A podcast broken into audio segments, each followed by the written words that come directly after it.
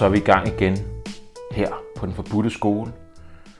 I dag der øh, tager jeg og Nils Lyngsø hul på en ny serie her på podcasten. Det er en serie, som kommer til at få et lidt andet format end meget det andet, der er her på den forbudte skole. Nemlig en tidsramme, blandt andet. Den her samtalerække eller serie kommer til at hedde Pragmatisk Dharma, og øh, det er lige præcis det, vi taler om i dag. Pragmatisk dharma. Hvad vil pragmatik sige, og hvad er dharma egentlig? Niels Lyngsø, han er forfatter, og så er han også sprunget ud som meditationsvejleder. Og der er han inde på, man kan finde ham inde på hans hjemmeside, pragmatiskbuddhisme.dk. Niels han var på podcasten for, jeg ved ikke, ni måneder siden eller sådan noget hvor vi netop snakkede om meditation og buddhisme, og de erfaringer, han har gjort sig efter han for, ja, hvor lang tid det så er, syv, måske otte år, I don't know, du må rette det selv, Nils, øh, hvor han var på sit første 10-dages Vipassana Goenka Retreat, hvilket der blev en bog ud af. 10 dages stillhed, som jeg kan anbefale at lytte til. Og siden da, der har Niels mediteret to timer dagligt og været sammenlagt 30 dage i retreat om året. For virkelig at dykke ned i det her med meditation. Hvad det kan. Og ikke bare, hvad det kan på sådan en eller anden måde, hvor vi skal reducere det stress, men hvad det virkelig kan i, de, i den dybe ende af praksisen. Niels og jeg, vi taler om den her serie, om pragmatisk dharma. Vi taler om, hvordan at dharmaen, Buddhas lære, stien, vejen til frigørelse, hvordan den har været rigtig god til at tilpasse sig forskellige kulturer, på forskellige tider, forskellige steder. Og i dag er den så kommet til Vesten, møde med en højteknologisk, kapitalistisk kultur, med, der står i spidsen, kunne man sige, for en lang række kriser, globale kriser, og som har en befolkning, der er lidende. Lidende i den forstand, at der er en psykisk sundhedskrise, som lader til kun at blive værre. På en eller anden måde giver det god mening, ikke? Hvis vi er en del af naturen, og naturen lider, så lider vi sgu egentlig nok også. Så vi taler om, hvordan at buddhismen i mødet med Vesten skal tilpasse sig. Hvordan det ser ud, hvordan denne dharma tilpasning, denne dharma transformation vil se ud her i Vesten. Hvis den skal være pragmatisk, altså passe ind i kulturen og i hver vores liv, uden at miste dharmaens højeste sigte, at bringe mennesket og alle levende væsener ud af lidelse, ved at få indsigt ind i, hvordan tingene virkelig er. Ved at, kunne man sige, realisere visdom. Og det er de ting, vi snakker om i dag. Det er en fornøjelse at tale med Niels. Og nu vil jeg lige sige lidt om formatet. Formatet er sådan, at vi starter ud hver session her med at tjekke ind med hinanden, hvordan det går i hinandens liv, men især med vores praksis, og øh, det er måske en meget fin måde, hvor at du som lytter lige kan høre, hvad sker der egentlig hos øh, Nils og Alex i deres praksis. Både måske som en, en ting at spejle sig i, det kan være noget som inspiration, eller bare sådan en ren nysgerrighed. Så tjekker vi ind med det de første 5-10 minutter. Og så taler vi om dagens emne, og i dag der er det jo så selve pragmatisk dharma, Nils kan findes inden for pragmatiskbuddhisme.dk. Jeg kan kontaktes på alexandergrigat-denforbudteskole.dk. Der kommer nok en hjemmeside næste år, men indtil videre så er det gået ganske fint bare med en mail. Skriv til mig der, hvis man er interesseret i at komme i psykoterapi, psykoterapeutisk forløb, hvor blandt andet sådan noget som meditation ofte indgår som et vigtigt redskab, eksistentielt redskab i, hvordan vi erkender verden og forholder os til den og så er du meget velkommen til at gå ind på sociale medier. Følge, like, del og så videre. Og ellers bare ja, spred budskabet om den her podcast, den her samtale, hvis der er nogen, du kender, der synes, det øh, er, interessant. Og ellers så tror jeg bare, jeg vil sige rigtig god fornøjelse med den her samtale mellem Nils, Nils Lyngsø og jeg om pragmatisk dharma. Men øh, nu hvor vi gearet op, Niels, så er vi også klar til at lave den første, øh, det første, den forbudte skoleafsnit online, mm-hmm. hvor øh, det er vores første samtale i ud af forhåbentlig mange om øh, pragmatisk dharma, som også er noget af det, vi ligesom skal, skal tale om i dag. Hvad er det? Du har jo sådan ligesom sprunget ud som meditationsvejleder ja. øh, under navnet pragmatisk buddhisme. Så er noget om det her med pragmatik, som vi skal snakke om i dag. Men øh, som vi talte om, så kommer den, øh, den, her, den her podcast-serie kommer til at være sådan lidt mere afgrænset tidsligt. Sådan så, at vi ligesom har sådan en, øh, et spillerum på en time, hvor vi kan få lov til at lege. Og øh, som vi talte om, så øh, starter vi med også, fordi det måske kunne være interessant for, for øh, lytterne derude, ligesom at høre, hvor, hvad sker der egentlig sådan helt konkret i deres praksis? Hvor er de henne? Øh, hvad er levende hos dem? Så starter vi ligesom med det, inden vi går i gang med at snakke om pragmatisk dharma. Så øh, Niels, vil du ikke måske også lige introducere dig selv kort? Du har jo podcasten før, men, men lige sige nogle ord om dig selv, og så øh, fortælle lidt om din praksis lige nu. Hvor er du henne? Hvad der er levende? Det vil jeg gerne. Øh, jeg hedder Nils Lyngsø. Jeg er forfatter og oversætter, og nu også meditationsvejleder. Som du nævnte, øh, under pragmatiskbuddhisme.dk prøver jeg at formidle noget dharma øh, og vejlede folk i meditation. Øh, jeg, inden jeg fortæller om, hvor jeg er i min praksis, så har jeg også lige lyst til at sætte en lille ramme omkring det, at øh, grunden til, at jeg synes, det er øh, værd at tale om, hvor vi hver især er henne i vores praksis, er, at vi begge to er sådan nogle, der har været i gang i nogle år, øh, og kommet et eller andet stykke hen af stien. Og jeg tænker også for folk, som måske øh, er tidligt i deres praksis, eller slet ikke er kommet i gang endnu, overvejer at begynde at meditere, så synes jeg, det kunne være måske relevant at få at vide også, at når man har en meditationspraksis, så er det ikke bare det samme og det samme og det samme. Det er ikke ligesom, altså der er forskel på, hvad det er, man oplever. Tre måneder efter man er i gang, et år efter man er i gang, tre år efter man er i gang. Tingene udvikler sig. Og de udvikler sig, hvis man har det, jeg vil kalde en intensiv praksis, som jeg sådan løsligt vil definere som, skal vi sige, en time om dagen, og så gerne også et mindst et retreat per år. Øh, hvis man har en sådan intensiv praksis, så vil det udvikle sig på måder, man slet ikke kan forudse, når man går i gang. Og det er derfor, jeg synes, det er relevant, at vi lige hver især fortæller to, to eksempler på, fordi folks vej er jo meget individuelt. Så det er to mm. eksempler på, hvordan, hvor man kan være havnet henne efter nogle års praksis. Mm. Og øh, for mit eget vedkommende, der, min praksis har udviklet sig rigtig meget gennem årene. Jeg startede med øh, Goenka, som er en, øh, en buddhistisk, øh, eller var en buddhistisk meditationslærer, som især underviser i det, der hedder bodyscan, eller kropsscanninger. Så det har jeg lavet en hel masse af. Og så siden da har jeg været alle mulige ting igennem. Øh, og der, hvor jeg er lige nu, der er det ligesom, det er to områder, jeg arbejder med, som på en eller anden måde er forbundet, og jeg prøver at finde ud af, hvordan de er forbundet. Det ene har at gøre med øh, det, vi kan kalde energikroppen. Og allerede her har jeg lyst til at sparke en fodnote ind, fordi hvis nogen havde brugt det ord over for mig for en 3-4-5 år siden, så ville jeg tænke, hvad snakker han om energikroppen? Hvad er det for noget underligt hulebalula?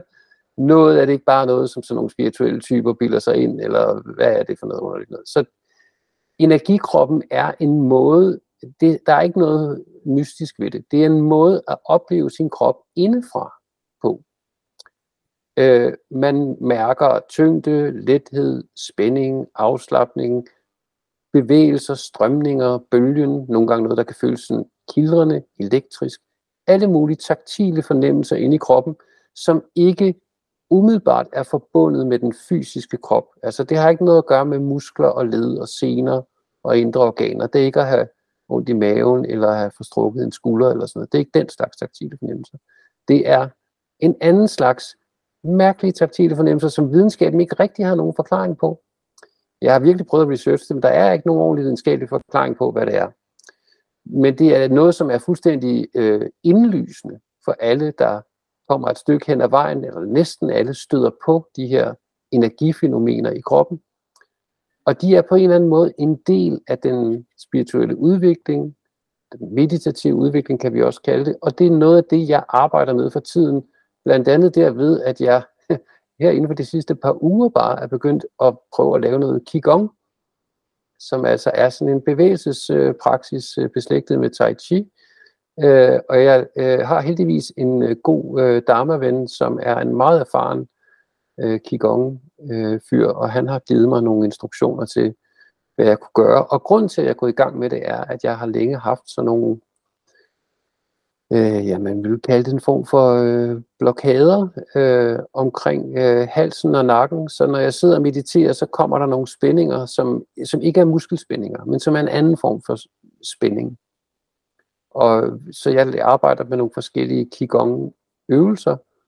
Øh, hver gang jeg begynder min meditation, så begynder jeg med 20 minutters øh, faktisk forløbig siddende qigong. Det er sådan ikke helt, som man plejer at gøre. Man plejer at stå op. Men mm. jeg laver sådan mm. nogle siddende øvelser, som ligesom skal trimme og stabilisere det her energisystem, fordi den her energikrop viser sig at have faktisk en form for anatomi.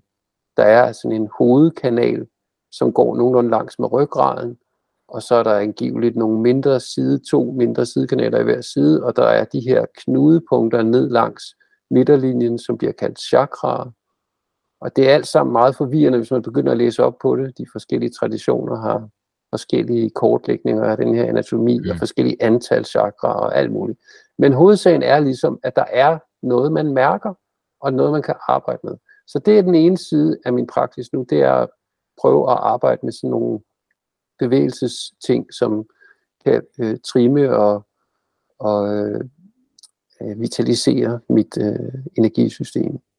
Og det andet er øh, drømme-yoga, som det hedder, som øh, kort fortalt går ud på, at man træner i at øh, i første omgang at blive lucid eller have klar drømme, det vil sige den type drømme, hvor man ved, at man drømmer, mens man er i drømmen, ved man, at det er en drøm. Det er ligesom forudsætningen for at lave drømme-yoga. Når man når den tilstand, og den kan man også træne op på forskellige måder, så er der forskellige øh, ja, øvelser, man laver i drømmen. Mm. Og det øh, kan lyde meget øh, bizart, tænker jeg, for folk, der måske kun lige er begyndt at meditere, og man kan også spørge, hvad skulle formålet være?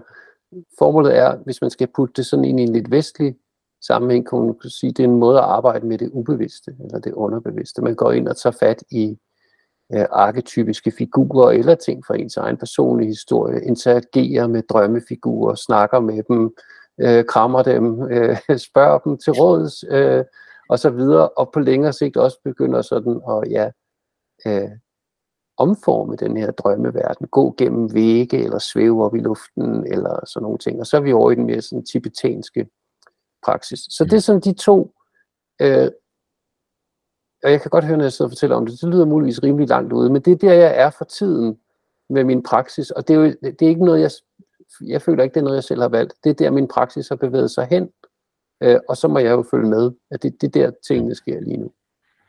Hvad med dig? Det er bare så spændende, altså. jeg får lyst til at spørge ind til alt muligt omkring det. Og øh, både drømmeyoga, men også det med, med subtil eller energikroppen. Men for mig, der det er sådan en sjov fornemmelse, synes jeg, øh, af at, at, jeg tror også, jeg har nævnt det før, men det er med meditationen, der får sit eget liv. Og det er sådan en øh, evindelig følgen, eller læne sig ind i, føler jeg. Øh, og som du også ligesom sætter ord på, så det er med, at praksisen ligesom tager en steder hen, som man ikke kunne forestille sig. Øh, for mit vedkommende, der er det lige for tiden er det meget noget med at øh, min, min siddende praksis er, hvad den er. Den, den lever sig selv, og så der kommer der sådan nogle, ligesom nogle øh, intuitioner eller indskydelser, noget der viser sig både i mine drømme, men også i meditationer, som der skal gøres. Så lige for tiden så er jeg optaget en praksis igen, som jeg ikke har lavet så meget i et par år, tror jeg, som er åbent og åben øjne praksis, som mhm. netop også har noget at gøre med øh, lucid, luciditet i drømmen, og øh, det er også drømme-yoga, jeg arbejder på at kunne praktisere ordentligt i gåseøjen. Jeg står med lidt en blokade mellem at kunne blive embodied og få læmeliggjort ligesom bevidstheden i drømmen, og ikke bare se det som en eller anden film på et lærred, men faktisk at komme ind i filmen. Det er, øh, er, er noget, som jeg arbejder på lige for tiden, og det gør jeg på forskellige måder. Åben og en meditation, øh, så har jeg sådan en meget punktvis praksis. Jeg har min faste øh, halvanden til to timer, og så udover det har jeg sådan en punktvis praksis, hvor jeg sådan stopper op, og i stedet for at lade mig falde ud i fænomenerne, så prøver jeg bare at, at komme tilbage til den, hvad skulle man sige, rå perception. Øh, ikke så meget, øh, hvad jeg sanser, eller øh, hvad jeg ser, og hvad jeg tænker, men bare komme tilbage til en rå op, fornemmelse, opfattelse øh, af sansning, tænkning, hvad det nu kan være. Øh, syn, taktil, dufte, lyde. Øh, og det gør jeg for at, at i løbet af hverdagen, hvor jeg går rundt eller laver mad eller et eller andet, simpelthen for at, og, øh, at øve mig i og, bli, og, og sådan mærke efter, oj, jeg er vågen for, at det måske sker i drømmen. ja, Eller sandsynligheden præcis. kan forøges. Mm-hmm. Øhm, og det fungerer, men det interessante er, at der er nogle roadblocks, der opstår, øh, som har meget med noget af det, som jeg arbejder en del med, er, er også mere psykoterapeutisk, som jeg faktisk vil, vil mene er en form for energiarbejde. Men det kunne måske snakke om på et andet tidspunkt. Øh, øh, hvor at, at i den her proces dukker der faktisk nogle af de mulige energetiske, kunne vi kalde det, følelsesmæssige, personlige knuder op, som er det, der er svært, eller gør det svært at træde lucidt ind i drømmene. Og for mit vedkommende lige nu, der er det faktisk en, øh, det vil jeg lige dele, hvilket jeg synes er ret interessant. Jeg har, ikke, jeg, jeg har helt glemt, at jeg havde kraftig, kraftig, voldsomt øh, højdeskræk som, øh, som barn. Altså hvor hvis jeg var oppe øh, i en fireetagers højde inde i en lejlighed, så følte jeg det hele skælvet under mig. Øh, og den højdeskræk er, står ligesom som sådan en, øh, en tærskelvogter til, at, at luciditeten kan komme sådan ofte, øh, hvilket er ret interessant. Så der er en energetisk knude, som kommer til udtryk i noget højdeskræk, sådan oplever jeg det. Det er meget, meget sjovt, hvordan at det for mit vedkommende i hvert fald, at det meditative og det terapeutiske, og det er længe sådan kredset omkring, men at de faktisk sådan øh, kan være en eller anden form for dialogisk proces. Og øh, hvis man oplever knuder, ligesom du også fortæller med halsen energetisk, så en måde at arbejde med det er Qigong, men det kan også godt være, at man kan arbejde med det psykoterapeutisk. Ja. Øhm, så øh, det er der, jeg er lige nu i min praksis. Spændende. Så der er, nogle, der er nogle ligheder. Det synes jeg ja, er spændende. men jeg får straks øh, lyst til at dele et par tips og tricks, fordi der er sådan et overlap der i interessen for, hvad man kan gøre med de her lucid dreams, eller klardrømme, som det hedder på dansk. Jeg kan meget godt lide det udtryk egentlig, klardrøm. Altså man er klar over, at man drømmer, mens man drømmer. Mm. Øh, en måde, altså det kan vi jo også sige til lytterne, hvis man har lyst til selv at lege lidt med det her, en måde at opnå den her klarhed i drømmene, eller luciditet på, det er øh, så ofte man kan i løbet af dagen, så ofte man husker det, så spørger sig selv, drømmer jeg nu? Er det her en drøm? Og så ikke bare som sådan hurtigt lige vinken af, nej, nej, det er det ikke selvfølgelig. Men virkelig lige give det øh, nogle sekunder eller et halvt minut og mærke efter og lave en, en realitetstest. Øh, Fordi hvis man gør det rigtig mange gange i løbet af dagen, så bliver det en slags mental vane, og så med lidt held, så har man også den vane, når man drømmer. Og det vil sige, når man så er i sin drøm, så kan det være, at man pludselig spørger sig selv, er det her en drøm? Og så laver man sin realitetstest, og så finder man ud af, ja, det er faktisk en drøm, og så vågner man op inde i drømmen. Og der vil jeg så skynde mig at sige, med de, det, det kan være, det ved du sikkert i forvejen, men til lytterne, den klassiske realitetstest, som er at øh, nive sig selv i armen, den duer ikke. Fordi mm. hvis du gør det i en drøm, så føles det bare som om, du niver dig selv i armen, og der er ikke nogen, det kommer ikke til at vække dig op øh, fra, øh, fra din ubevidsthed om, at du drømmer. Det, jeg har prøvet forskellige ting. Den bedste, den sikreste måde, sikreste realitetstest, er, øh, det lyder lidt skørt, at hoppe. Fordi øh, næsten altid så opfører tyngdekraften sig lidt anderledes i drømmeland, end den gør i konsensusvirkeligheden. Man er lidt lettere, sådan lidt mere bouncy, sådan lidt mere ligesom tyngdekraften på månen-agtig. Så hvis mm. man hopper og sådan svæver lidt af sted, og måske ovenikøbet lettere for jorden, så er det nok en drøm, sandsynligvis. ja, og hvis man bare falder ned med et brag igen, ja, så er det sådan, muligvis ikke en drøm. Men det er i hvert fald en rimelig sikker test. En anden god test øh, er finde et eller andet skriftligt. Det kan være et skilt eller en avis, eller hvad man har i nærheden. Læse et eller andet, en, en linje, kigge væk, kig på det igen. Hvis der stadigvæk står det samme, så er du nok bare i konsensusvirkeligheden. I drømme, mm. der vil det meget ofte have ændret sig, det der står. Hvis man kigger væk og kigger igen, så vil bogstaverne have byttet plads, og der står pludselig noget andet. Det er meget, meget svært at læse i drømme. Det er noget, mm. alle rapporterer. Det er meget svært at Der er ingen, stor, ingen, jeg har hørt om, der har kunne læse længere passager i drømme. En eller anden grund, så fungerer vores læsefærdighed ikke særlig stabilt i drømme. Så det er en anden måde at lave realitetstjekket på. Så for folk, der vil lege med det her, så, så tit man øh, husker det i løbet af dagen, lige spørger sig selv, drømmer jeg nu? Og så lave øh, tjekket der, og så håbe på, at den vane bliver så stærk, at den også viser sig, når man er i en drøm, og så kan det være, at man vågner op, og så kan man jo begynde at, at eksperimentere mm. derfra. Jeg har bare lyst til at indskyde det her med, at øh, luciddrømning eller klardrømning er også sådan en... Altså det, det er både noget, som det praktiseret i de i den tibetanske buddhisme, men også i sådan lidt mere esoteriske former for buddhisme i Kina og Japan, Vajrayana øh, buddhismen. Øhm, og, øh, og så klardrømning her i Europa, altså der er, der, der er både, hvad skal man sige, klardrømning som spirituel praksis, som øh, en del af dharmaen mod, skal vi kalde det, opvågning, og så øh, er der måske mere den her klardrømning, hvor det også kan være fedt eller underholdende, og ikke fordi de to skal adskilte, men øh, min årsag til, at jeg godt kunne tænke mig at komme i gang med det her, det er, så jeg kan praktisere om natten. Øh, det er ja. måske også meget fedt at finde ud af, hvad, hvad man kan lave i sådan en drøm der, men, men hovedsagen er at praktisere, øh, som kan øh, støtte, hjælpe øh, mig på vejen, på stien, øh, ja. dharmaen, ind i dharmaen. Så det, det synes jeg bare er en vigtig skælden, skælden at øh, ja. ja, intuition, eller intu, øh, ikke intuition, intentionen omkring, hvor ja. man vil blive klar i sin drømme.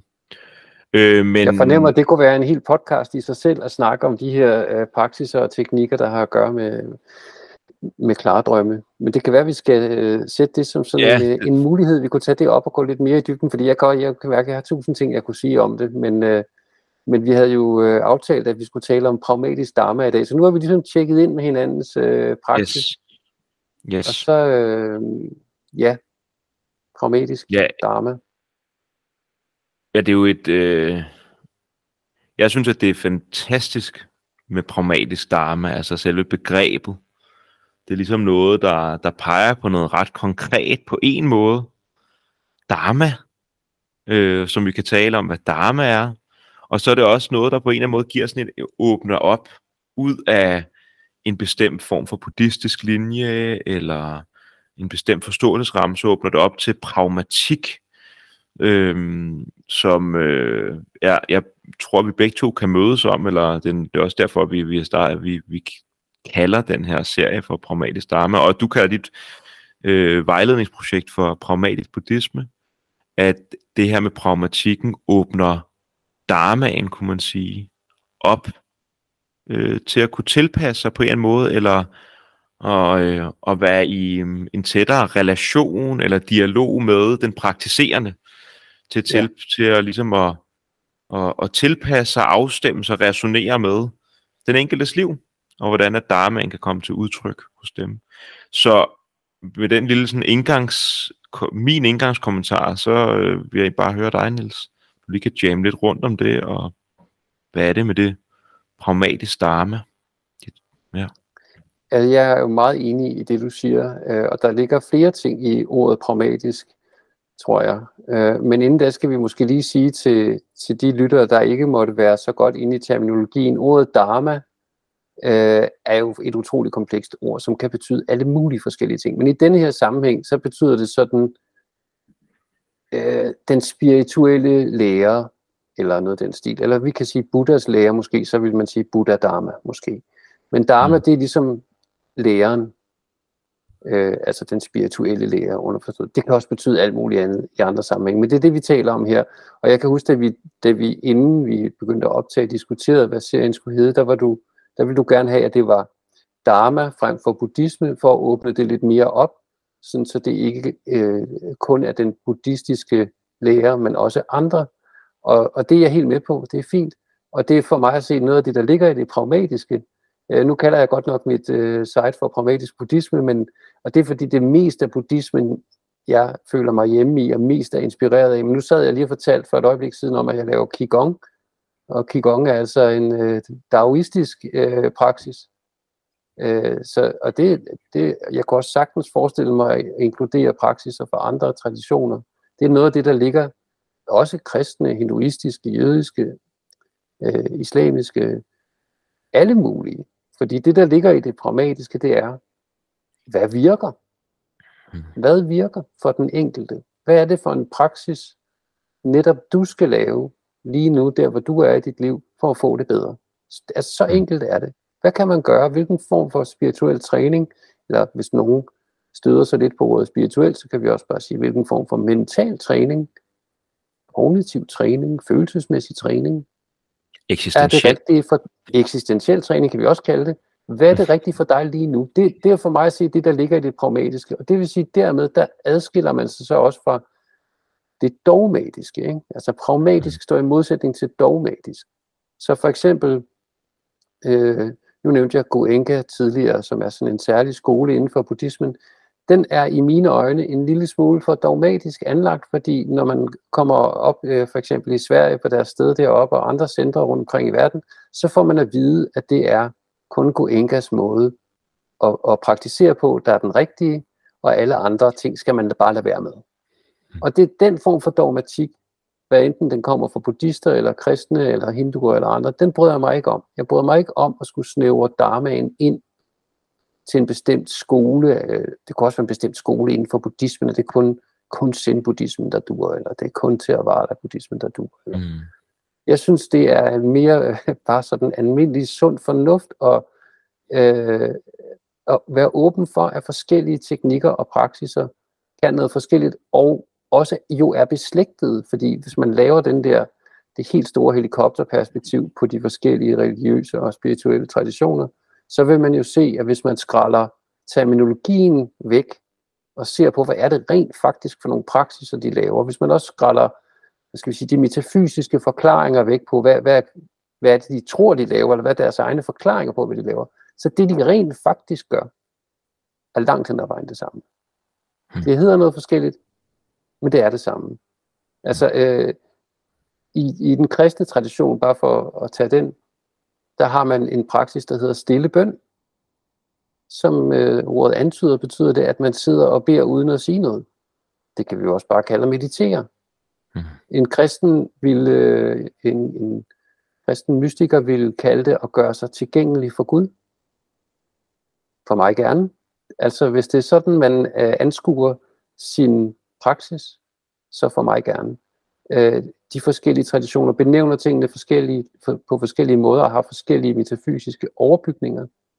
Men det pragmatiske, øh, den pragmatiske tilgang forsøger at rumme de forskellige øh, trossystemer og øh, måske vise dem også ting, de ikke kender, med det simple mål, og, øh, som, øh, som Buddha også talte om, at det handler om at minimere lidelse. Hvordan kan du få det bedre? Du har det svært, du vil gerne have det bedre, vi vil gerne have, at alle får det bedre, så det ikke bare bliver et egoistisk projekt. Så hvordan gør vi? Hvad virker? Det er det, der ligger i det pragmatiske for mig. Ja, fedt. Jeg får, jeg får jeg virkelig noget... Øh, jeg kommer bare til at tænke på, at dharma også ligesom kan betyde orden, eller virkelighed, eller øh, den slags ting. Og der ligger faktisk måske i, i selve det, at det er det, der ordner, eller det, der er virkeligt, som det, der virker, allerede den her pragmatik i dharma-begrebet. At, at, at, at hvis, hvis, hvis dharmaen på en eller anden måde er øh, vejen mod det virkelige og det virkelige selv, øh, så øh, alt, der bringer os videre på den vej, øh, på en eller anden måde hører til dharmaen. Så det, hvis det er, at man er kristen mystiker, eller for mit vedkommende, det, det er også en, en form for tradition, man kunne sige, der er, nu, nu nævnte du en, en, en del øh, spirituelle eller religiøse traditioner, og øh, for mit vedkommende er psykoterapien for eksempel, altså her især i den jungianske øh, forstand af psykoterapi, arbejdet med drømme, symbolik, arketyper og den slags, en del af min dharma, min vej, øh, som, som øh, taler sammen med de mere buddhistiske praksiser. Eller øh, i mit, lige nu der er jeg meget, har været det længe, men ret fascineret af Sokrates. Øh, måske ikke så meget den her måde, hvor han bliver forstået som en af de store tænkere, men øh, som, som en menneske, som når man læser Platons dialoger, så har han et bestemt, kommer han, en, kommer fra et bestemt værens modus, lyder det næsten, altså kunne man sige. Han er en menneske, der er i verden på en bestemt måde, og som fører dialog på en bestemt måde. Og noget af det, som jeg synes, at de her podcasts kan, det kan også være en form for praksis for mig, ofte. Fordi at øh, det er også en fornemmelse af at være øh, hele tiden i gang, være på vej mod det virkelige. Og det er sådan en fornemmelse af sådan en evindelig proces, hvor at, øh, at man aldrig kommer helt øh, derhen, fordi vi er i sproget, men en gang imellem, så kommer der sådan nogle åbninger, hvor man måske sådan føler, ej, behøver vi slet ikke at sige noget. Du åbnede det så bare. Og så sidder man lige der og bliver berørt. Eller... Og det er også en fornemmelse af en, af en praksis. Så det er mere for at sige, filosofiske, spirituelle, psykologiske praksiser, der alle sammen, hvis det de gør, det er at bringe os mod det virkelige, det der virker. Og hvis vi siger, det er at lindre lidelse, jamen så må det være en del af dharmaen. Øhm, og Nils, så det næste, fordi at nu er du sprunget ud som meditationsvejleder, og ja, noget af det, som jeg synes, der er spændende her, det er sådan noget med, jamen, øhm, hvorfor er det her vigtigt? Og så får jeg lyst til at lige at lægge lidt mere på, som er nogle af mine egne overvejelser, som er, øh, buddhismen har været notorisk god til at, øh, at tilpasse sig. Mm. Øh, netop at gå ind i forskellige kulturer, til forskellige, på forskellige tider, og sige, okay, vi har nogle sandheder, noget der virker, vi har noget dharma, vi kommer med, og hvordan kan vi ligesom gifte det, den buddha-dharmaen, med den dharma, øh, som der er, den vej, som der er i den pågældende kultur, om det er den her shamanistisk, animistiske bøn, øh, religion i Tibet, eller om det er Daoismen i Kina, som senere bliver øh, til Zen i Japan sammen med Shinto, som også er sådan en animistisk religion. Så hvor de, de mødes, og så står vi her i Vesten. Jeg tror, det er det, jeg ligesom vil rammesætte det som. Vi står i Vesten, som er noget meget andet end øh, en meget anden ting, en meget anden kultur at møde øh, for buddhismen og for dharmaen, end, øh, kunne man sige, bøn-religionen øh, i Tibet. Mm eller Daoismen i Kina. Altså vi er, øh, det er øh, teknologi, det er videnskab, det er materialisme, øh, der er alle mulige øh, idéer og måder at være i verden på, som øh, buddhismen eller dharmaen øh, møder her i Vesten, og hvor at jeg tænker, at øh, også det projekt, du har gang i, netop er måske en måde at se sådan, okay, jamen, hvis, hvis, hvis buddhismen begyndte at se ud på en bestemt måde og blev og der ud af det her at gifte forskellige traditioner, øh, den buddhistiske dharma med øh, en egens egen tradition, at der kommer et bestemt buddhistisk eller en dharma-barn ud af det. Hvilket bar, dharma-barn skal vi så føde her? Eller og hvordan er, hvad er det for en proces?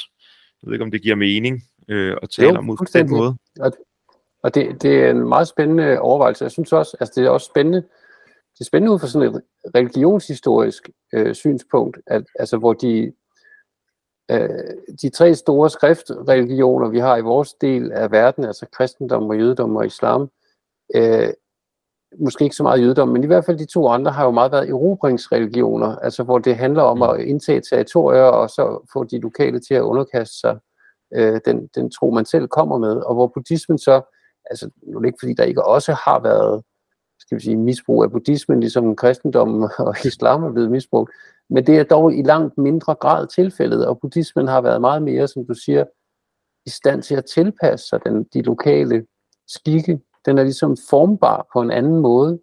Øh, og, og dit spørgsmål så, hvad er det så, den, der sker, når buddhismen kommer til Vesten, som den jo først for alvor gjorde, ja, faktisk omkring det tidspunkt, hvor jeg blev født, altså i slutningen af 60'erne.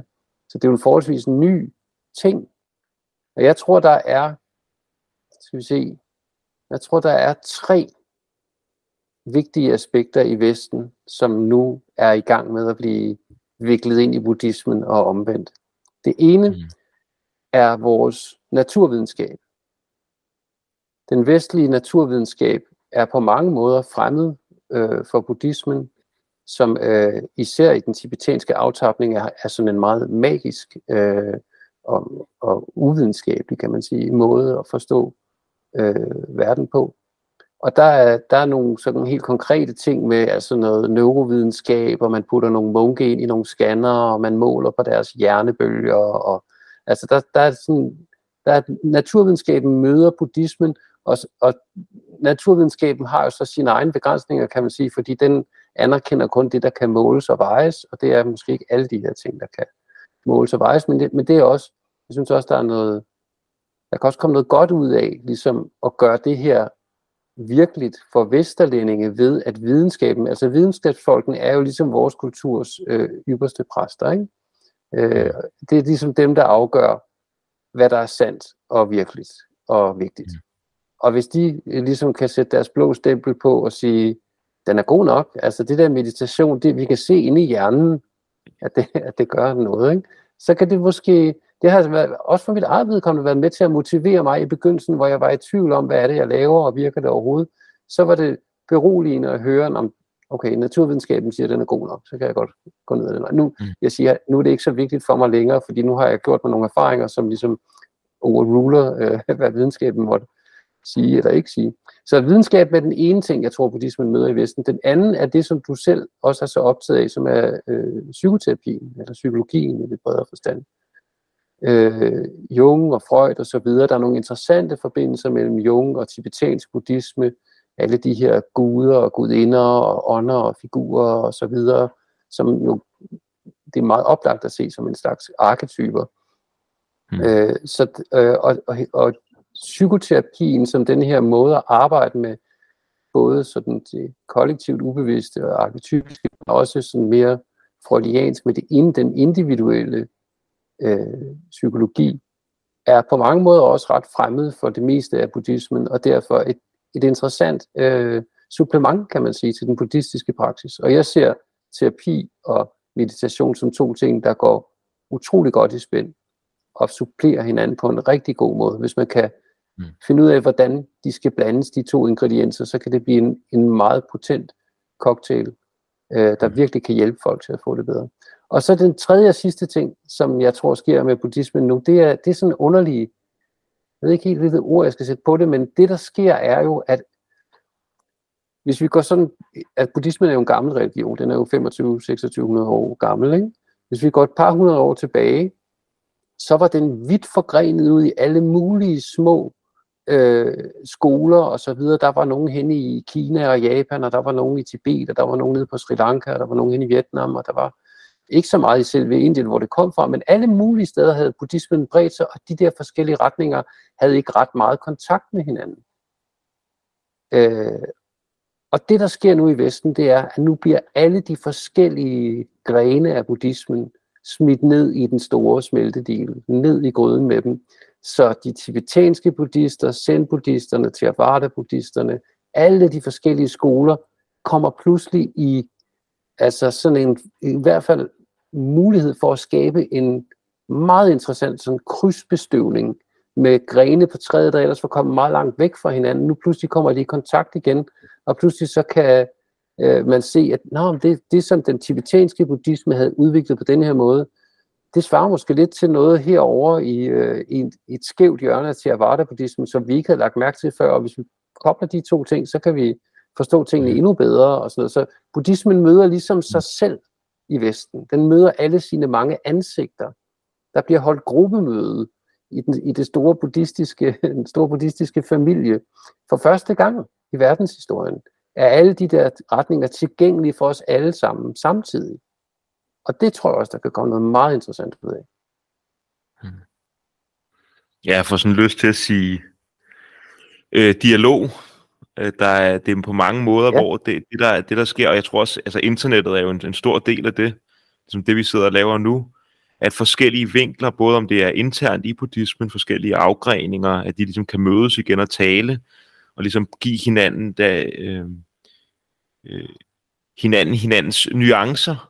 Okay, nå, ja. åh, der er lige den her måde, jeg, ja, det er lige lidt anderledes. Nå, det kan jeg godt bruge, fordi det var faktisk, altså, det giver ligesom den der mulighed for at, at bidrage med forskellige nuancer, øh, forskellige øh, farver på regnbuen, og som at Dharmaen blot er et lys, det er det samme alt sammen, så er der forskellige nuancer, øh, som kan være meget, meget anvendelige, og det samme er, når det så går i kontakt med naturvidenskaberne, øh, øh, neurovidenskaben, og også, især også kognitionsvidenskaben, øh, mm-hmm. hvor at, at, at buddhismen lærer kognitionsvidenskaben sindssygt meget, øh, og, neu, altså, og neurovidenskaben, det er sådan, det, det er lidt, det kan være lidt sjovt øh, at læse øh, forskningsartikler, hvor at øh, øh, Theravada-buddhistiske tekster, som Buddha skulle have prædiket for ja, 5-2600 år siden, at de sådan altså har været forud for, hvor neurovidenskaben er, øh, og det faktisk bare ofte bliver bekræftet øh, af vores moderne videnskab. Men netop den bekræftelse, tror jeg, som du også siger, øh, det har ikke været så vigtigt for mig, øh, men, men at den er vigtig for rigtig mange også vesterlændinge, at, at, øh, at vi ligesom skal have data og videnskab på ting. Og, øh, og det er også noget af det, der, som gør buddhismen lidt anderledes fra andre religioner. Øh, fordi at den netop har gået ind i sådan et dybt, en dyb relation til videnskaben. Og, øh, og bare sagt, yes, jamen så lad os da prøve at se, hvad I kan undersøge med os. Øh, så ligesom gjort sig selv til et, et objekt for videnskaben øh, og måske et objekt, for, for sådan, som, som også kommer til at ændre videnskaben selv.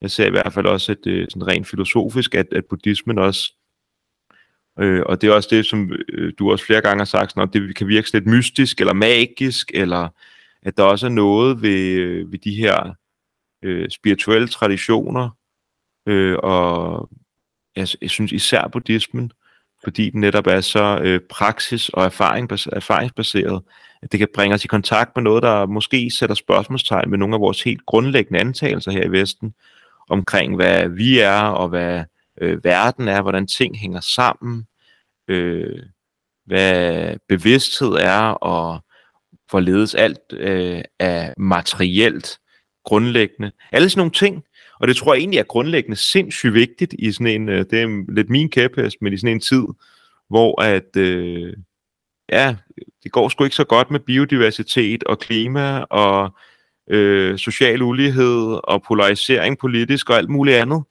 som er sådan fremmedgørelsestendenser, altså hvor ting bliver adskilt, adskilt, adskilt, adskilt. Og buddhismen, og jeg vil også sige mange af de andre visdomstraditioner, øh, øh, i deres erfaringer, erkendelser, realiseringer, lever der faktisk, vil jeg mene, et, en form for modgift til den her øh, fremmedgørende tendens.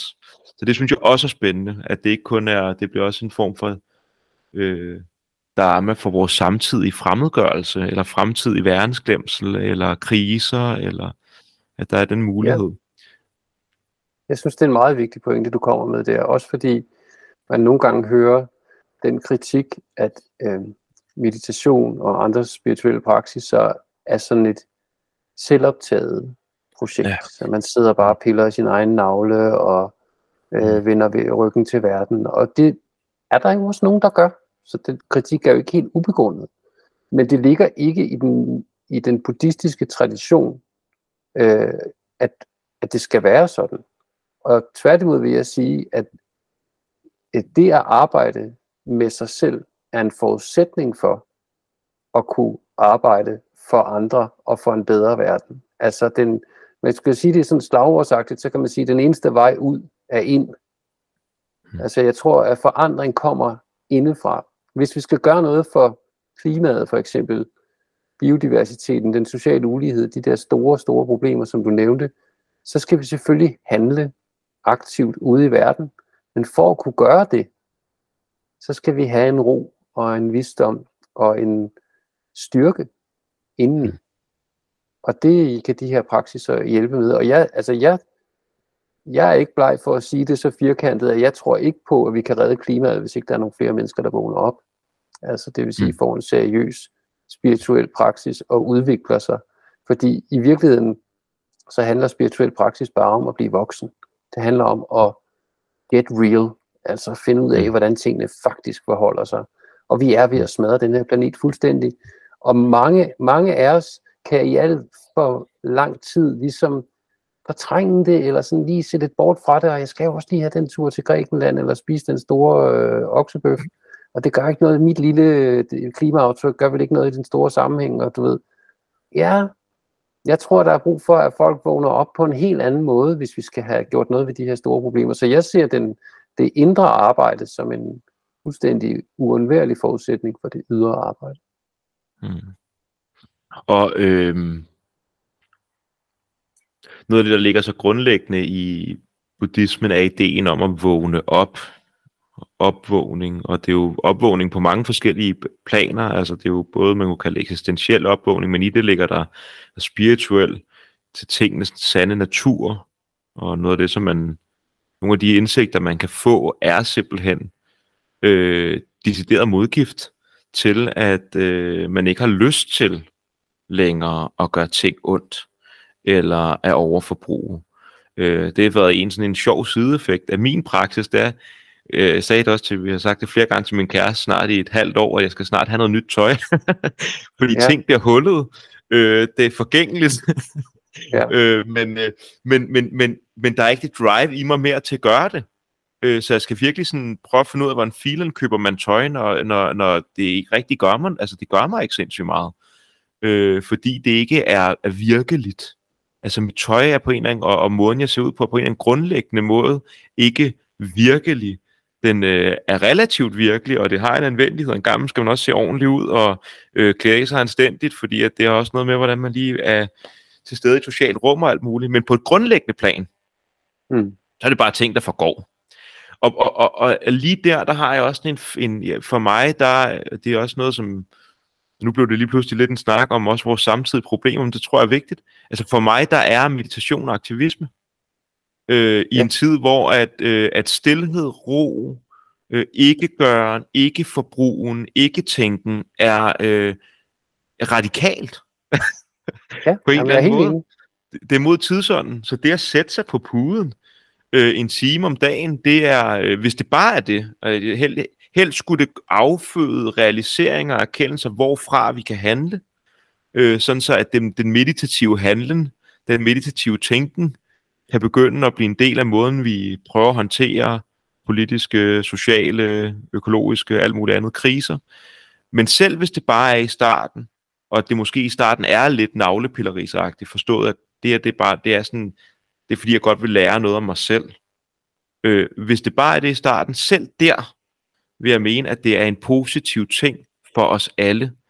Og ja. jeg snakkede øh, jeg snakkede med nogle klienter, der begynder at meditere, og ja, men og øh, det der med at sætte sig for eksempel udenfor, når man lige har 20 minutter at sætte sig på en bænk, hvad med det, og kan man være, være det bekendt, eller sådan, er det ikke, er det ikke mærkeligt, og sådan.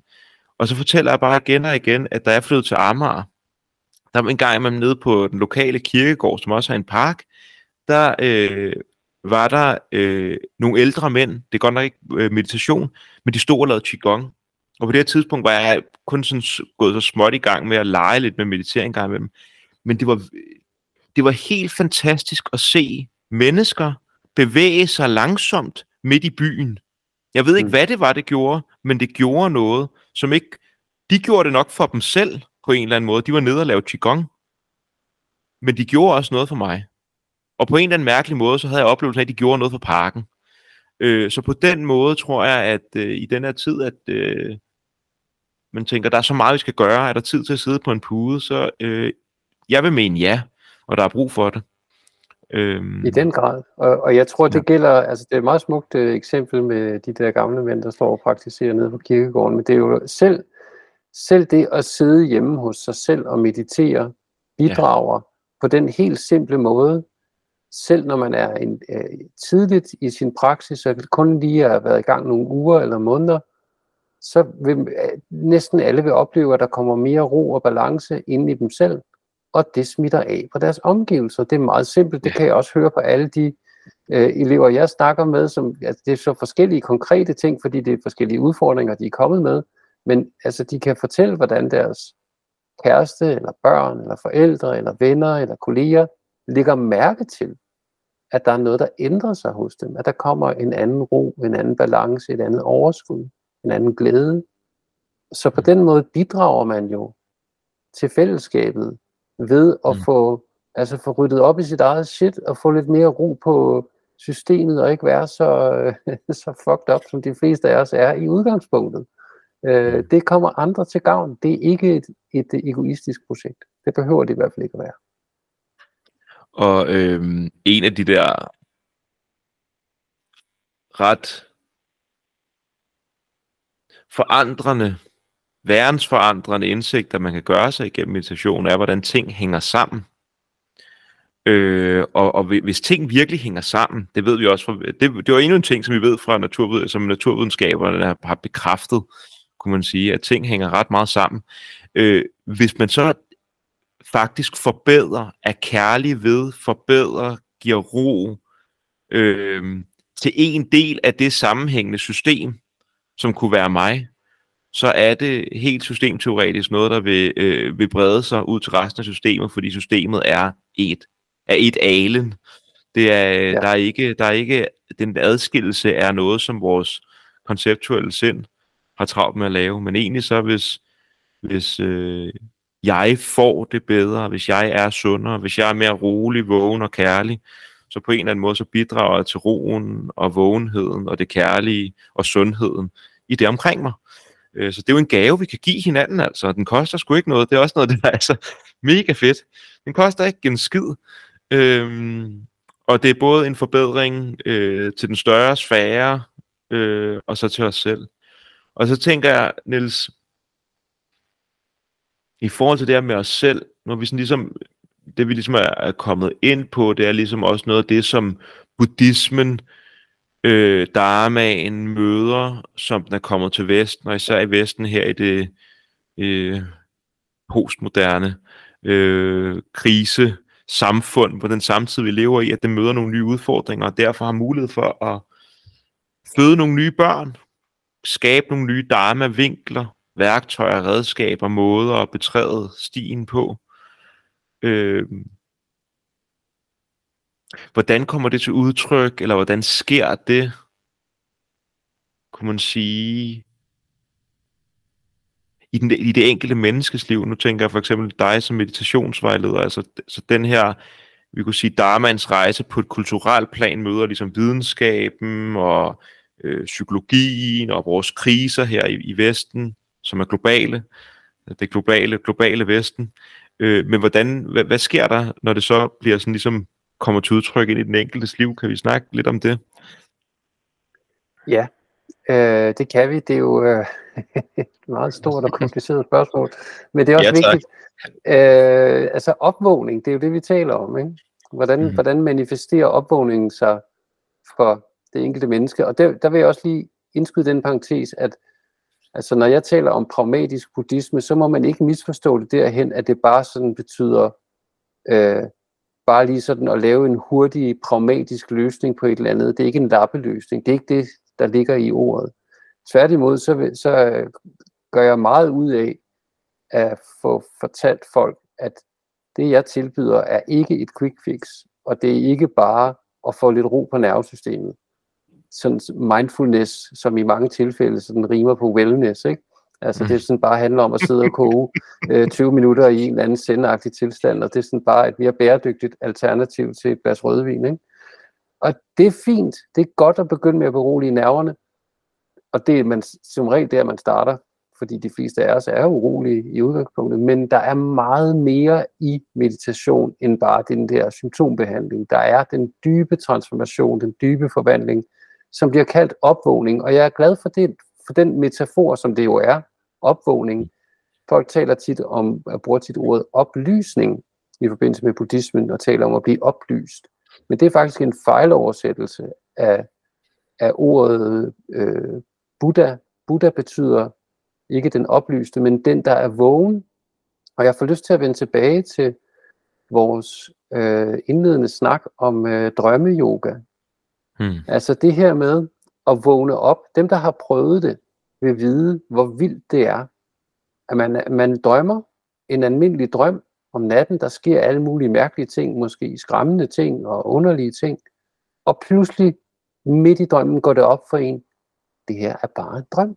Det er bare en drøm. Det er slet ikke det, jeg troede. Og i en vis forstand bliver det hele jo ved med at være det samme. Oplevelsen fortsætter, historien fortsætter i drømmen, men det perspektiv, man har, ændrer sig fuldstændig radikalt, når man ved, mm. at det er en drøm. Og det er, synes jeg, en af de bedste måder, bedste analogier til at forklare, hvad det vil sige at vågne op. Øh, I det vågne liv, der er så at sige en etage mere, så vi går i en vis forstand alle sammen rundt i en drøm. Vi går alle sammen rundt i en illusion. Ting, vi tror, tingene er på en måde, men i virkeligheden er de på en helt, helt anden måde. Og det er det, man kan vågne op til med en intensiv og langvarig praksis. Så kan man få et grundlæggende, hvis vi nu skal bruge en mere moderne metafor, en opgradering af hele styresystemet. Så det er ikke bare sådan nogle små knapper, man skruer på. Det er simpelthen fuldstændig en radikalt anderledes måde at være i verden på. Forstå sine medmennesker på. Øh, forstå planeten, klimaet. Det hele ændrer sig. Det er på en måde som at blive voksen en gang til. Det, det er den samme radikale øh, forskel fra at være, have været 9 år gammel til at være 19 år gammel. Altså den måde, det, det er en anden måde at være i verden på, når man er 19, og man kan, en 19-årig kan ikke forklare en 9-årig, hvordan det er at være 19. Og en person, der er vågnet op, har også meget svært ved at forklare folk, der ikke er vågnet op, hvad, hvad forskellen er. Og jeg vil også lige indskyde, opvågning er ikke, det er ikke, som jeg ser det, ikke enten eller. Det er ikke sådan sort-hvid ting, men enten er du det slet ikke, eller også er du det fuldstændig. Der er sådan en, øh, som jeg ser det, sådan en, en skala øh, af grader af, af opvågning, kan man sige. Så, så det er, altså, det pragmatiske, den pragmatiske buddhisme, pragmatisk dharma, øh, må ikke forstås som øh, noget henkastet eller uambitiøst. Det er tværtimod altså radikalt ambitiøst. Og, og det er jo dybest set er det at tage Buddhas øh, ord alvorligt, og det er jo også det, som du, selv, som du sagde tidligere, nu er neurovidenskabsfolkene faktisk også ved at finde ud af, at der er noget om det, der stod i de gamle skrifter. Det er ikke det rene sludder. Mange af de ting kan faktisk efterprøves efterhånden i, mm. i øh, laboratorierne. Og der er, der er noget om, at vi kan faktisk lave radikalt om, igen for at bruge en moderne metafor, vi kan hacke vores egen bevidsthed og mm. ændre radikalt på, hvordan det er at være et menneske i verden. Og det har jeg bare lyst til at formidle til folk og hjælpe folk med, fordi det er fantastisk øh, dejligt at, at, at komme fri af den der plagsomme øh, drøm, som mange af os går rundt i. Ja, som en drøm, og, og en drøm, som i den her konfiguration, som den er, så er det en drøm med de, altså i Vesten lige nu, med øh, 9-16 jobs og øh, kapitalisme og forbruger, øh, forbrugersamfund og alt muligt andet, som er den drøm, som vi ligesom prøver at, øh, som vi har mulighed for at vågne op for fra Og jeg synes, det her ord transformation er interessant. For der ligger både den der øh, tilblivelse ind i en, en, en merhed, eller en andenhed, eller måske egentlig ind i ens egentlighed, sådan som man egentlig er i bund og grund. Men, men der ligger også noget med noget, der er transcendent af formen. Så det, som vi måske, og det, det siger jeg, fordi at jeg, jeg tror, vores måde at være i verden på her i Vesten er meget formgivende. Den sætter ting i kasser, i koncepter. Den forstår os selv og vores hverdag ud fra alle vores idéer om, hvad vi selv er, og vores hverdag er, og hvad man skal gøre, og hvad der er rigtigt, og hvad der er forkert. Og der er noget i, og alt det, det fungerer ligesom på en eller anden meget sådan en øh, tænkningens øh, og de kollektive idéers øh, øh, modus, måde at være til stede i verden på. Og der er noget i, i, i meditation, som frigør os fra de her øh, formationer. Jeg synes også noget andet, der er sjovt, det er, at vi snakker om at leve i informationstidsalderen, som betyder ind, formare, ind i form. Altså, at, at vi, vi putter ting ind i former, ind i kasser. Øh, og det her, det er en transformationspraksis, at det er noget, der prøver at transcendere de her forme til at komme i kontakt med noget, der på en eller anden måde er mere enligt, mere reelt, øh, hvorfra vi så kan give form til ting igen, og selvfølgelig skal vi beskrive ting, og vi skal handle i verden, men det bliver en måde at, at prøve at måske en at få, øh, komme lidt hinsides, ikke sådan en forstand af at komme væk fra, men at komme... Nej, snart det modsat, ikke?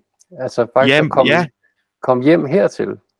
Ja, kom hjem hertil, og i den, det, det er måske det, der rummer alle de her forskellige former for, for adskillelser.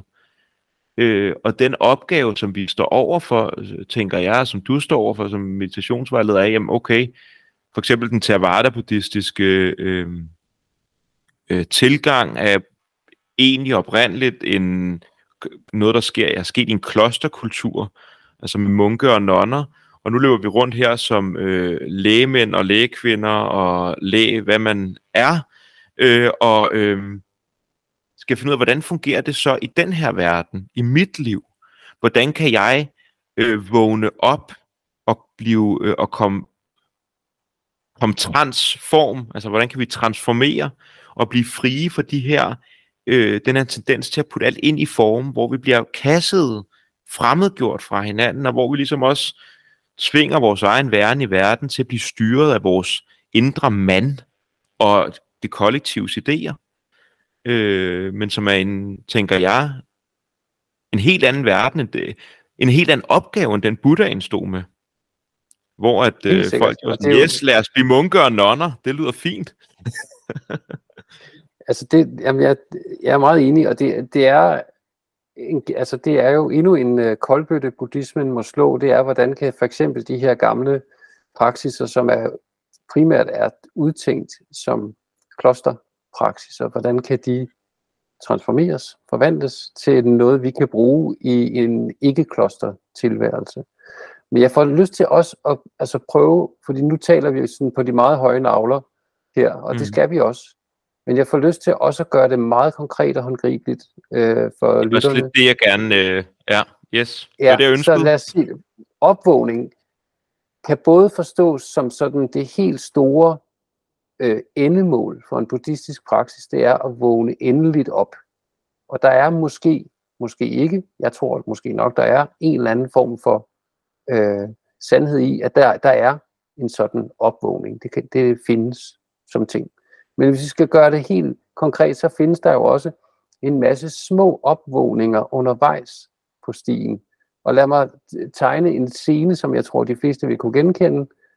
Man går og rydder op i køkkenet om aftenen, og samtidig så går man og tænker på det møde, man skal til i morgen henne på sit arbejde, og man er lidt nervøs for det møde, fordi sådan og sådan, og hvad vil den og den sige, og hvad med chefen, og bla bla bla. Og pludselig efter 10 minutter, eller 20 minutter, så går det op for en, at man faktisk har været inde i den der drøm, vil jeg kalde det. Den der dagdrøm, den der fantasiverden, som er, hvordan man tror, mødet vil blive i morgen. Man kan overhovedet ikke vide jo, om det, man forestiller sig på nogen måde kommer til at, at gå i opfyldelse. Men det er den fantasi, man har, Og det vil sige, at man har, været, man har ikke været vågen, man har, man har drømt. Man har drømt, mens man har gået og ryddet op i køkkenet, og pludselig opdager man, at man har stillet brødresterne ind i køleskabet. Og øh, altså, kroppen har bare selv gjort alle mulige ting, uden at man har været der. Og så vågner man pludselig op og tænker, gud, brødresterne står inde i køleskabet. Aha, hvad er der sket? Jeg, kroppen har bare selv øh, ryddet op her i køkkenet. Jeg var der ikke. Jeg var i drømmeland. Nu er jeg vågen. Og et eller andet sted er det bare det, det handler om. Det er at få flere og flere vågne øjeblikke, hvor man faktisk er til stede med det, man laver her og nu. Hvad enten det er at rydde op i køkkenet om aftenen, eller det er det møde i morgen, som man er nervøs for, når det så kommer. Jamen, så skal man være til stede der. Så skal man ikke sidde og fantasere om sin efterårsferie, eller øh, hvad der skete i går. Så det handler om at vågne op og være til stede med det, der er her og nu. Så hvis vi her, inden vi øh, ligesom også runder lidt af, hvis vi ligesom prøver at blive lidt konkrete omkring, hvordan det kan se ud. Jeg får lyst til ligesom at, at lave sådan en to sider, vi jo kalde det den formelle praksis, som ofte vil være siddende øh, i siddende meditation, og så den mere uformelle eller dynamiske praksis, kunne man også kalde den, den som øh, vi kan lave ude i vores hverdag, ude i vores liv, øh, som ligesom to forskellige aspekter til at blive mere vågne, eller at, øh, at det bliver mere, mere og mere sandsynligt, at øh, vores opvågning finder sted i løbet af dagen, at vi ligesom ser den her drømmelignende øh, tilstand, vi er i, og ligesom, ups, kan se, at nu kommer jeg til stede igen. Øh, for jeg tror, at det er vigtigt at skelne mellem de to ting. Den siddende praksis øh, og den mere dynamiske praksis, eller uformelle og formelle øh, praksis.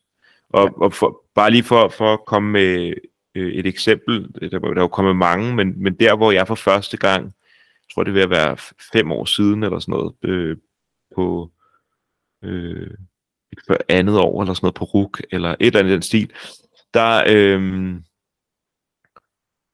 begyndte jeg, der havde jeg praktiseret nogle år dagligt, og ikke vanvittigt meget, en 40-45 minutter om dagen eller sådan noget, men der begyndte jeg lige pludselig at sådan tænke, hvad med de der togture, og transport generelt. Både gå hen til toget og øh, vente på toget og være i toget og altså alle dele af transportruten fra jeg gik ud af min lejlighed til jeg sad inde i forelæsningssalen. Hvordan kan jeg praktisere hele den vej? Fordi så har jeg to timers dynamisk meditation øh, øh, ekstra om dagen.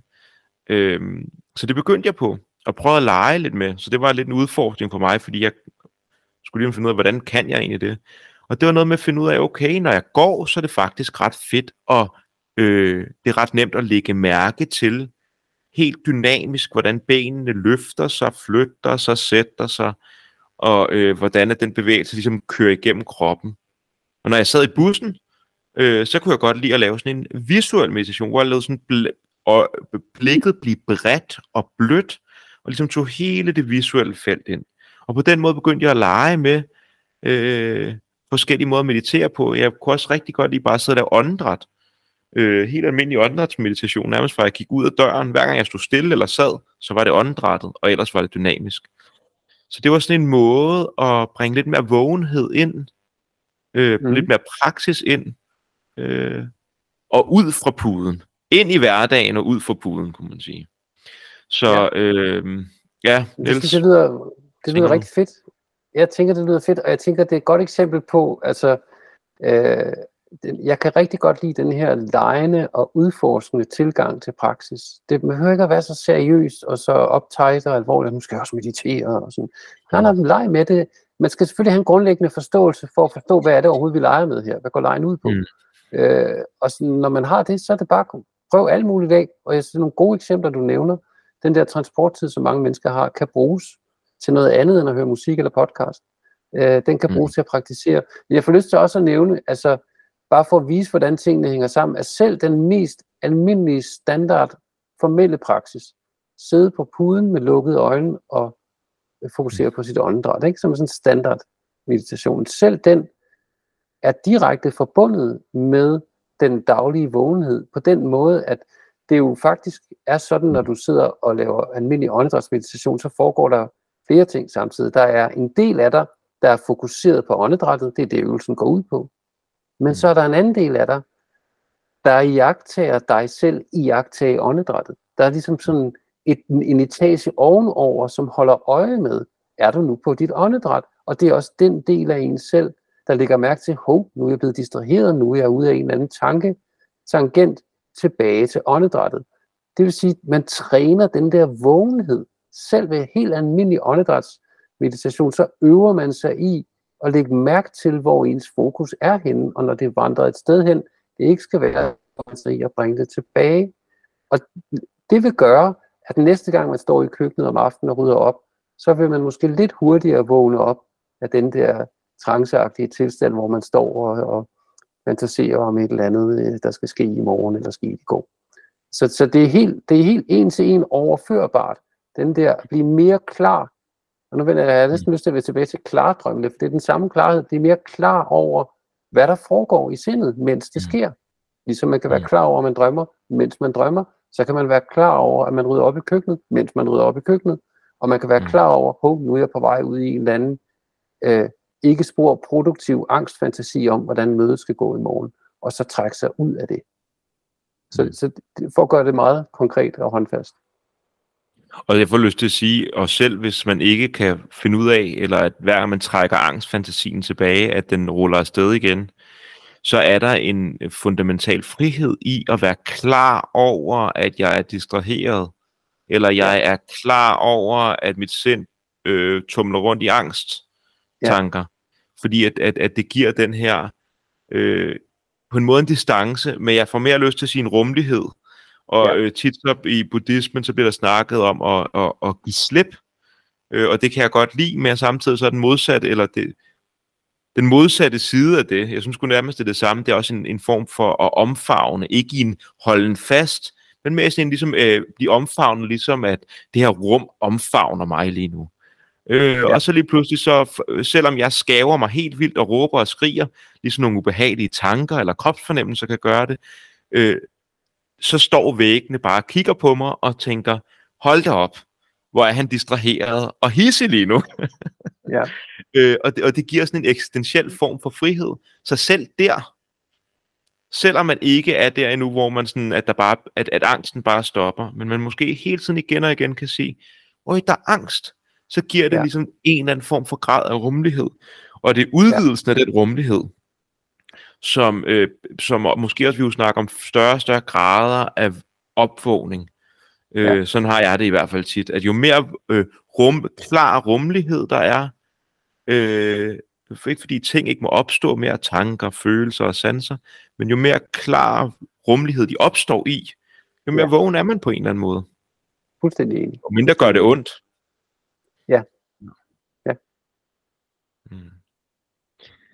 Har du noget, øh, du lige vil, vil tilføje, Niels? Eller hvordan? Nej, jeg synes, det er bare et godt sted at, at, at runde den pragmatiske dharma af. Så nu har vi ligesom fået talt lidt rundt i, hvad er det, vi, hvad er det, vi mener, når vi bruger det her ord ja. pragmatisk, enten det er så pragmatisk buddhisme eller pragmatisk dharma. Hvad er det, der ligger i det? Det synes jeg egentlig, vi, det har vi da lige fået øh, mm. i hvert fald givet nogle, nogle antydninger af. Men det er jo selvfølgelig en diskussion, man kunne, kunne gå meget længere ned i. Men nu har vi jo aftalt, at vi skulle holde os sådan cirka til en times tid, så jeg tror, det er vi ikke ved at være noget dertil, hvor vi skal lave det, som jo. skal være vores øh, traditionelle afslutning, som er, at vi giver hinanden, en, hinanden og lytterne en øh, anbefaling til et eller andet, øh, som man kan bruge til inspiration.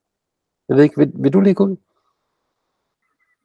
Ja, det kan jeg godt. Altså, for mig, der er jeg i sådan en, øh, jeg er i specialboble.